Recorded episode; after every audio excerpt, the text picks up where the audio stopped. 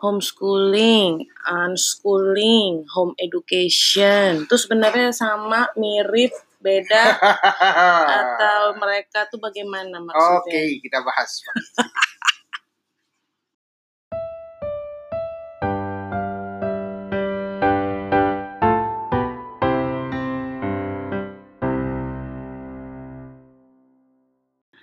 Ya, Mas Aar, kayaknya memang kalau misalnya, eee, untuk yang baru mengenal homeschool itu jadi agak bingung karena ada banyak terminologi dalam homeschooling. Iya. Ada, eee, homeschooling, ada home education, itu aja ada yang itu sebenarnya sama apa beda. Terus ada unschooling, ada deschooling, ada school at home, ada itu lagi ya? ada after schooling, ada flexi school. Nah, itu Ada semi homeschool. gitu. ada Ada yang bikin iya, lagi istilah. ada yang gini, saya homeschooling tapi eee eee, gimana, Saya anak saya sih sekolah. sekolah tapi tetap eee, kalau di rumah homeschooling. Heeh. Oke, gitu. Nah, Heeh. ya sebenarnya sih yang namanya terminologi kan, eee, Iya. antara ya gitu ya, tiap Iya. orang boleh punya pemahaman terhadap sebuah kata ya. Iya. Tapi kalau ini pemahaman kita deh, pemahaman Mas Aar aja deh, aku aku agak agak Iya. Kalau kita bicara tentang istilah di dalam tradisi keilmuan memang eh, itu sebuah konsensus. Iya. Sebuah konsensus Mhm. tentang eh, apa maksud dari istilah itu. Kenapa? Karena eh, istilah itu penting untuk men- mengidentifikasi gagasan. Mhm. Ya, gagasan satu berbeda dengan gagasan yang lain karena memakai istilah yang berbeda. Iya. Ya, itu itu yang penting eh, untuk meneguhkan istilah. Nah, problemnya tentang dunia perhomeschoolingan di Indonesia ini. Di Indonesia loh ya? Di Indonesia ya. Iya, kita ngomongin sekarang di Indonesia. Nanti nanti Mas Ara akan kasih kalau di luar negeri atau yang sesungguh sesungguhnya ya. Tapi kalau rootnya tuh gimana? Cuman ini di Iya, Indonesia iya, nih emang. Ini eh, ada salah lahir.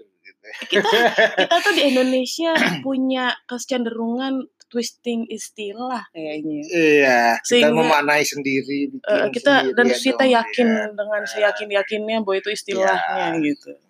Jadi si yang penting itu kan gini, kalau kita eh, jualan sesuatu gitu ya sesuai dengan namanya lah. Kan gitu. Dal- Dalam artian begini, eh, eh, jualan sate kambing gitu Mm-mm. ya. Jangan bilang sate Jangan ayam. bilang sate ayam. Kasihan yang darah tinggi ya. Nah, terus kemudian sate kambing itu ya begini, sate, ini sate dari daging dari kambing. Jadi semua orang satu satu pemahaman. Mm-mm. Sebetulnya sih pentingnya sebetulnya di titik itu.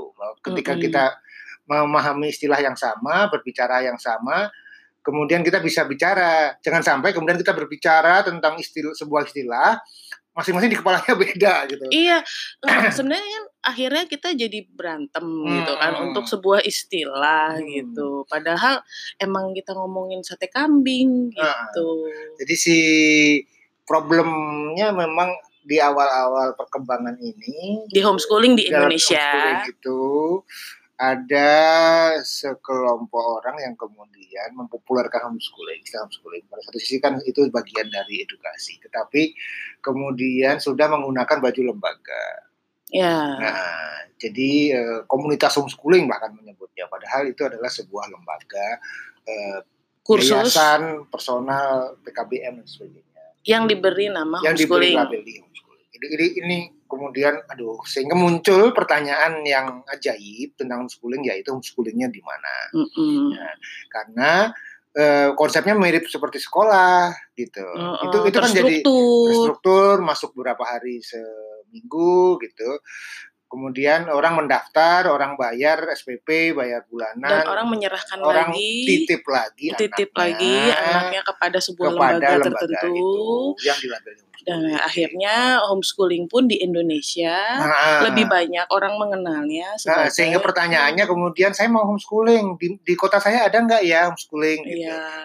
Ini ini membingungkan bagi masyarakat dan itu itu Menggemaskan bagi praktisi. mengemaskan bagi praktisi karena eh, kalau nam istilah homeschooling sendiri secara konsensus itu eh, rasa-rasanya sudah sudah jelas lah di dunia perhomeschoolingan di di penjara, seluruh penjara penjuru dunia bahwa yang disebut dengan homeschooling itu adalah orang tua yang tidak menyekolahkan anak satu. Kemudian proses pendidikan diambil alih tanggung jawabnya oleh keluarga. Sehingga yang disebut dengan praktisi homeschooling, biasanya sebutnya praktisi, itu adalah orang tua yang menjalani pendidikan homeschooling untuk anaknya atau anak-anak remaja yang memilih untuk tidak bersekolah, memilih untuk mendidik dirinya sendiri. Jadi itu itu poin penting yang yang pertama gitu ya. Pertama tidak sekolah, kemudian yang kedua melekat namanya pada praktisi orang yang menjalaninya atau keluarga yang menjalaninya. Jadi tidak melekat pada sebuah lembaga. Jadi tidak ada mendirikan homeschooling. Tidak ada mendirikan homeschooling nggak ada. Tidak ada gitu. mendaftar mendaftar homeschooling gitu nggak ada gitu ya. Nah itu itu hal yang pertama. Jadi sekali lagi kalau kita bicara homeschooling intinya substansinya adalah orang tua sebuah model pendidikan di mana orang tua memilih untuk bertanggung jawab sendiri atas pendidikan anak-anaknya. Itu homeschooling. Mm-mm. Kemudian uh, ada istilah home education. Secara uh, arti itu lebih fleksibel. Kan schooling itu selalu diidentikan dengan struktur, ya, structure. Kemudian proses belajarnya uh, ya mirip sekolah gitu. Cuma di rumah. Cuma di rumah. Seakan-akan Ya, gitu jadi ya. kalau hanya berdasarkan istilah seperti itu. Sehingga kemudian kalau home education berarti pendidikan di rumah lebih umum, lebih fleksibel. Berarti kalau anak saya sekolah tapi mere- mereka home education juga nggak apa-apa dong gitu. Ya. Iya, oke deh. Eh, ya, jadi kalau di luar biasanya eh, itu dua hal yang sama, homeschooling maupun home education. Intinya anaknya nggak sekolah, gitu. Intinya orang tua pegang Intinya, sendiri. Intinya sebuah model pendidikan yang berbeda dengan sekolah konvensional. yang berbasis keluarga. Yang ber, ya, eh, kalau berbasis konvensional itu sekolah itu kan berbasis lembaga, Lembaga. gitu. Heeh. Ini berbasis keluarga. Mm-mm. Nah, istilah homeschool itu biasanya populer di Amerika Serikat. Sementara istilah home ed atau home education itu populer di Inggris. Nah, itu itu eh, yang umum gitu. Nah, kalau di sini kan kemudian orang suka memanai dengan suka-suka ya saya nggak ngerti lah. Atau memang kepengen home education tapi masih pengen sekolah. Iya. Jadi gini, Ada kan Eh, trennya keren. mungkin mungkin ya ada kebutuhan kebutuhan untuk memberikan nama gitu ya, memberikan nama untuk proses-proses yang dijalani. Jadi misalnya gitu ya, anaknya tetap sekolah tapi dipegang sendiri, ya seharusnya sih memang. Eh itu kan sih. parenting teh begitu. Ya, itu seharusnya memang begitu. Itu selayaknya orang tua. Jadi eh, orang tua yang baik memang tidak hanya menitipkan anaknya di sekolah tapi juga pegang sendiri di luar. melakukan pengayaan. melakukan pengayaan dan sebagainya. Itu bukan semi homeschooling, yaitu ya schooling gitu. Nah, kegiatan yang disebut dilakukan orang tuanya namanya apa? Namanya adalah after schooling. Setelah kegiatan setelah sekolah. Jadi bukan semi homeschooling, nggak ada itu istilah semi homeschooling karena itu eh, akan membuat rancu gitu. Eh, kecuali memang ada kebutuhan untuk kan aku suka istilah homeschooling, aku mau disebut homeschooling gitu ya. Itu aku nggak ngerti lah. Kasih Ada. aja kali kalau gitu. Tapi jangan. nah, kalau saya sih prefer udahlah pakai after schooling saja. Bukan karena saya memiliki istilah homeschooling bukan. Ini kan bagian dari tanggung jawab kita juga untuk mengedukasi masyarakat Mm-mm. tentang istilah-istilah yang tepat supaya gagasannya itu jelas gitu. Jadi eh, schooling, unschooling. Kan dan nggak apa-apa juga Dan- dan nggak apa-apa juga. Sekolah tuh kan juga bagus Iya. gitu. Dan peran orang tua itu kan bagus. Dan orang tua iya itu kan cuma baik. memang di- dibedakan. ya. Jadi tadi jadi schooling dan home ah, an- Homeschooling dan home education. education. Ya, Jadi Uh-uh. clear ya. Gitu. Jadi Uh-uh. istilah istilah umumnya kalau di dunia per homeschoolingan kalau kita baca buku-buku tentang homeschooling terbitan luar dan sebagainya itu sama itu sama merujuk pada orang tua atau yang mengambil yang, alih yang tidak menyekolahkan anak Uh-uh. dan kemudian mengambil alih pendidikan anak. Mm-mm. Jadi ya, penting ini karena ada aspek tidak sekolah itu berarti ada sebuah model pendidikan yang berbeda dengan sekolah. Mhm. Oke, terus kemudian unschooling. Nah. Ya, unschooling ini benda ada istilah yang memang agak abu-abu. Ya, di karena praktek unschooling sendiri lebar. Ya, sebenarnya unschooling itu apa unschooling itu kalau di dalam sejarahnya memang tidak ada siapa yang menyebut pertama kali itu kayaknya susah gitu ya nggak ada sebuah sejarah yang terdokumentasi kalau yang yang pernah saya baca eh, siapa tapi yang sering dirujuk sebagai eh, pe, apa salah satu yang menginisiasi gagasan tentang unschooling itu adalah John Holt. Yang menuliskan buku. Nah, gitu ya. menuliskan eh, buku, beberapa buku How Children Fail dan sebagainya, Eh, How Children Learn dan sebagainya. Yang intinya adalah eh, proses pendidikan itu anak-anak itu memiliki gagasan, memiliki spirit belajar yang alamiah. Mhm. Ya, orang dewasa eh, sering kali merusak proses alamiah itu karena melakukan intervensi. Jadi anak-anak dari kecil itu ingin belajar apa saja dan sebagainya kan sudah ingin bisa jalan. Memang dasarnya itu. anak itu punya keingintahuan yang Iya. tinggi. Kadang-kadang tuh yang kemudian orang tua bilang jangan, orang tua takut. atau kemudian orang tua menyodori belajarnya yang ini yang itu ini dan aja akhirnya dia, ya.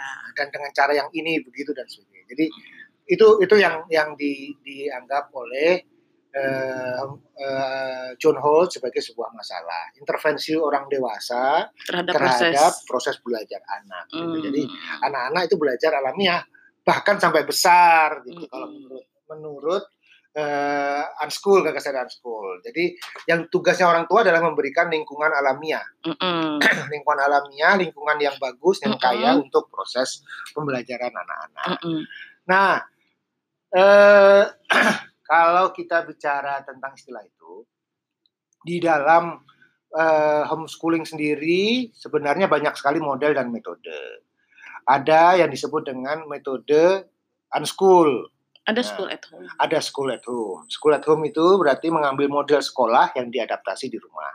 Hmm, Jadi ya mirip sekolah, strukturnya, materi belajarnya, tapi cara dan proses belajarnya berbeda.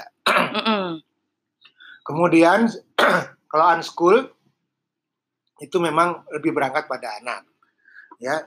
Tetapi gitu ya, para praktisi unschooling sendiri kadang-kadang tidak mau dikategorikan sama dengan homeschool. Mereka merasa, oh, aku tidak masuk dalam kategori homeschool. Aku bukan hanya sekedar metode dalam homeschool, bukan hanya sekedar model homeschool, tetapi ini makhluk yang benar-benar berbeda. Karena apa? Karena mereka memandang homeschool itu seperti school at home. Dan mereka bukan seperti itu. Dan mereka tidak mau di bawah eh, payung besar gagasan tidak menyekolahkan anak itu namanya homeschool. Gitu, ya. Jadi mereka aku unschool. Gitu. Eh, itu itu kurang lebih eh, kita sih saudara ya. ya saudara gitu ya. Eh, cuma memang eh, kadang-kadang eh, kalau kita bicara istilah dan kategorisasi itu memang agak-agak rumit ya, Hmm. dan ya enggak iya dan sebagainya. Mm-mm. Seperti keluarga kita, keluarga kita itu aku kan referensi besarnya itu kan Yang membuat kita sebenarnya berani itu kan unschool. Ya, kan? unschooling. Mm-mm. Tapi eh, aku tidak berani mengklaim diriku sebagai unschool. Mengapa? Karena eh, di keluarga kita intervensi dan peran orang tua cukup besar. Mhm. Ya. Kita masih menyodorkan Kita materi. menyodorkan, Ah, kita memberikan arahan sebagainya. Iya. Kalau unschool kan sebenarnya tidak. Unschool sendiri sebetulnya lebar gitu loh. Sebetulnya. Unschooling sendiri juga eh, rentangnya luar biasa ya Iya, rentangnya ya? lebar. Mm-mm. Dan kalau anaknya masih usia dini sih ya menyebut unschool sih masih oke lah. Masih masih sangat mungkin. Tapi ujiannya akan muncul ketika anak-anak sudah mulai eh, besar gitu, usia SD, SMP, seberapa berani gitu ya seseorang orang tua itu memberikan ruang pada anaknya untuk memimpin proses belajarnya. Iya. Dan sekedar tidak punya ijazah juga nggak bisa dibilang unschool. Maksudnya, maksudnya, Oh iya. Iya, maksudnya- bukan berarti kalau nggak punya ijazah terus unschool nggak nggak juga. tapi orang tuanya ngedirect kan sama aja Iya. gitu. Maksudnya anaknya nggak berijazah, tapi orang tuanya sebenarnya masih ngedirect prosesnya, Iya. cuma nggak pakai ijazah aja. Ya, gitu. ada faktor budaya ya yang kemudian eh, melekat bersama istilah unschool. Di Amerika itu kan budayanya liberal. Anak-anak 17 tahun kan sudah ditendang dari rumah kasarnya kan karena secara legal mereka sudah eh, entitled sebagai eh, subjek Dewasa. ya, orang dewasa ya sebagai subjek hukum. Nah, dan memang punya tradisi untuk lepas mandiri dan sebagainya sehingga eh, proses proses unschool itu relatif kompatibel secara budaya dengan dengan mereka. gitu. Nah, di Indonesia ini eh, yang budaya timur ya, di mana peran keluarga inti bahkan keluarga besar itu sangat sangat besar sehingga gagasan unschool itu menarik, tetapi dari sisi implementasi memang eh, mungkin diadaptasi. Nah, kalau begitu sudah diadaptasi, apakah kemudian itu masih unschool atau tidak? Ya itu itu bisa menjadi hal yang diperdebatkan. Nah, kalau aku sendiri kan lebih suka menyebut keluarga kita eklektik. Apalagi tuh. Gado-gado, gitu ya, campuran gitu ya. Bukan uh, terinspirasi oleh unschooling. Terinspirasi oleh unschooling, tapi kita nggak nggak nggak cukup pede untuk Kita- bilang unschool, Iya, ya. gitu ya. Tapi kita juga nggak form nggak nggak kita tapi tidak- juga bukan school at home. gitu ya. bukan ini bukan itu gitu ya bukan bukan yang bukan yang bukan bukan. Gaduh-gaduh ah nggak tahu lah apa pun tapi tapi eh, spiritnya kan eh, kalau buat aku malah membebaskan anak. ya prinsipnya adalah pendidikan itu subjeknya anak Dan Mm-mm. nggak masuk aku tidak suka dengan kategori sebenarnya Mm-mm. Eh, hidup ini Dan juga sebenarnya nggak mau mengklaim sebuah nggak mau mengklaim sebuah ini Sebuah istilah. cuma gemes aja kalau kemudian ada istilah yang ditulis tapi kita sendiri nggak terlalu ya, nggak suka lah Ini Pada akhirnya disebut apa ya, terserah aja. terserah aja lah. Pokoknya gua menjalani hidup sebaik-baiknya untuk anak-anak eh, dengan apa belajar tentang filsafat pendidikan dan sebagainya yang menurut aku paling tepat dengan keluarga kita gitu ya. Istilah apa terserah lah gitu lah. Bahkan aku lebih suka sekarang lebih suka karena homeschool sendiri kayak jadi rumit kacau gitu lebih suka menjadi pembelajar mandiri gitu ya. Keluarga. Ya, ya, melakukan pembelajaran mandiri belajar mandiri buat aku lebih lebih Indonesia lah gitu terserah lah gitu. karena apa karena ketika kita bicara repotnya begini kalau kita bicara sama pejabat Diknas Eh, eh. Kemdikbud gitu kita bicara tentang homeschool Mereka- mereka kan mereka tuh sekolah karena gitu. yang PDKT ke sana adalah dan mereka tidak pernah punya bayangan bahwa orang tua tuh bisa mendidik anaknya sendiri karena kepala mereka sekolah. iya dan dan yang mendekat itu juga Iya. Terus materi-materi materi belajar yang ideal itu kan seperti yang ada di kurikulum buat mereka. Sementara kalau buat keluarga kita misalnya, enggak lah. Eh, pendidikan itu bisa dilihat dengan berbagai macam sudut pandang, nggak harus ikut kurikulum yang itu gitu. Eh, kalau tunggu Dan dengan cara yang itu. Gitu. Rumit, rumit. Nggak, oke saya ngomongin pemerintah tadi Eh, berarti kalau di di pemerintahan Indonesia Raya kita ini kita ini apa Iya. kan kita ada formal non formal informal jadi Ya. homeschooling tuh letaknya di mana Jadi gini, di berbagai eh, pengambil kebijakan negara, sering kali memang yang disebut dengan homeschool itu adalah school at home. Karena setiap negara kan punya kurikulum. Di New Zealand dan sebagainya, ya syaratnya yang disebut homeschool itu adalah pakai kurikulum dan sebagainya. Jadi memang pemerintah butuh kontrol, butuh struktur eh, untuk mengatur masyarakatnya. Sehingga memang model-model homeschool yang didorong, yang di approve dalam tanda kutip itu memang eh, kecenderungannya kecenderungannya memang eh, model-model persekolahan karena itu yang akan dinilai dan sebagainya. karena mungkin Kemun- mereka bingung Ya, ya, terus eh, istilah homeschooling ada nggak di dalam sistem Indonesia gitu kan bahasa Inggris? Kan nggak ada lah. gitu. Tapi, tapi jadi nggak ada kalau di, istilahnya homeschooling ya ada.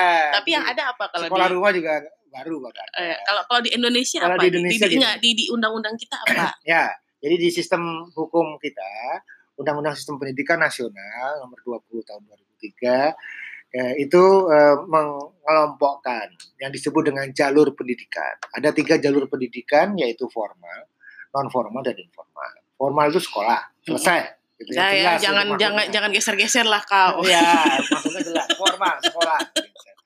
Semua structure diatur oleh pemerintah gitu. Lu mau nggak mau Iya. harus diatur. sekolah Nggak bisa alternatif pun sekolah sekolah, gitu. lembaga yang diatur oleh pemerintah. Kemudian yang kedua adalah lembaga jalur pendidikan non formal. Jalur pendidikan non formal adalah sebuah eh, jalur pendidikan di- yang berfungsi untuk menambah, untuk menggantikan lembaga formal. Jadi bisa macam-macam. Menambah itu kan bisa kursus, ya, kemudian apa, ya aneka aneka pelajaran yang terstruktur lah. gitu pesantren gitu pesantren non formal gitu. Jadi eh, itu kemudian eh, menggantikan menggantikan itu berarti apa? Menggantikan itu berarti bisa berbeda sama sekali dengan sekolah. Gitu. Itulah Hmm. sebabnya. ya.